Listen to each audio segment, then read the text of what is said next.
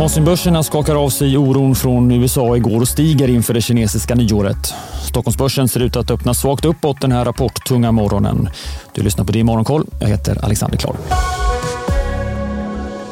Och vi börjar med rapporterna som kommit. Ericssons justerade resultat var betydligt lägre än väntat, liksom den justerade marginalen och den så viktiga bruttomarginalen kom också in lägre än analytikerna förväntat sig. Och bolaget spår också lägre marginaler framåt inom affärsområdet Networks. Försäljningen kom in som väntat på 86 miljarder kronor och bolaget föreslår också en höjd utdelning på 2,70. Nischbanken TF Bank ökade resultatet under sitt fjärde kvartal. De totala intäkterna blev nästan 400 miljoner kronor och rörelseresultatet landade på 114 miljoner kronor. Samtidigt så ökar bankens kreditförluster med över 50 procent jämfört med vad vi såg samma kvartal i fjol. Senare under morgonen kommer rapporter från både verkstadsbolaget Sandvik och nätbanken Avanza liksom Sveriges största investmentbolag Investor. Ni hör och ser vdarna i DTV under morgonen. Så till Asien där Hongkongbörsen lyfter över 1 Shanghai och Shenzhen är upp en halv procent. Tokyobörsen handlas upp en halv procent idag efter att vi sett den japanska inflationen stiga till 41 års högsta 4 procent i december jämfört med samma månad året innan och upp från 3,7 procent månaden före. Tidigare i veckan lämnar också Bank of Japan den negativa räntan oförändrad på minus 0,1 procent och fortsätter med samma kraft att stödköpa i marknaden. Det var sämre humör på Wall Street igår. S&P 500 var ner en halv procent och Nasdaq tappade en procent. Räntorna steg och det rapporterades återigen om ökad recessionsoro och att den amerikanska centralbanken kommer höja räntan mer. Och flera Fed-ledamöter var också ute och pratade om Hej, Ulf Kristersson här. På många sätt är det en mörk tid vi lever i.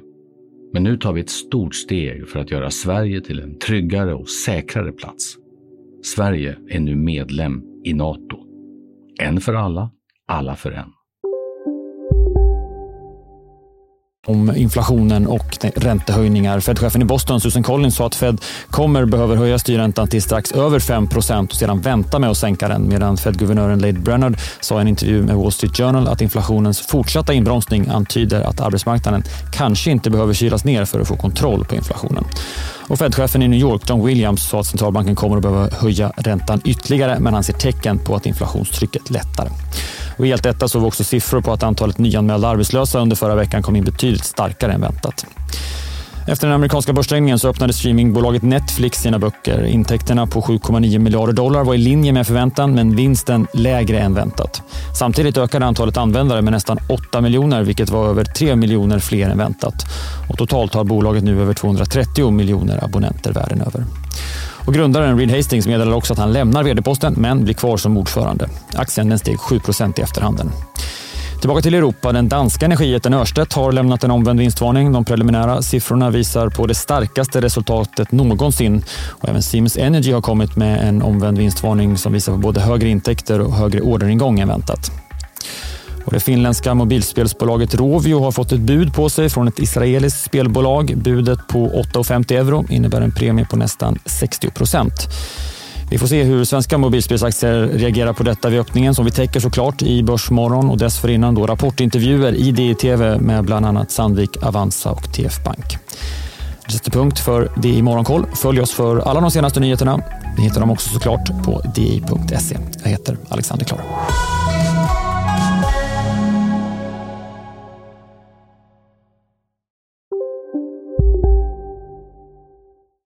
Vi är specialister på det vi gör precis som du. Därför försäkrar vi på Swedea bara småföretag, som ditt.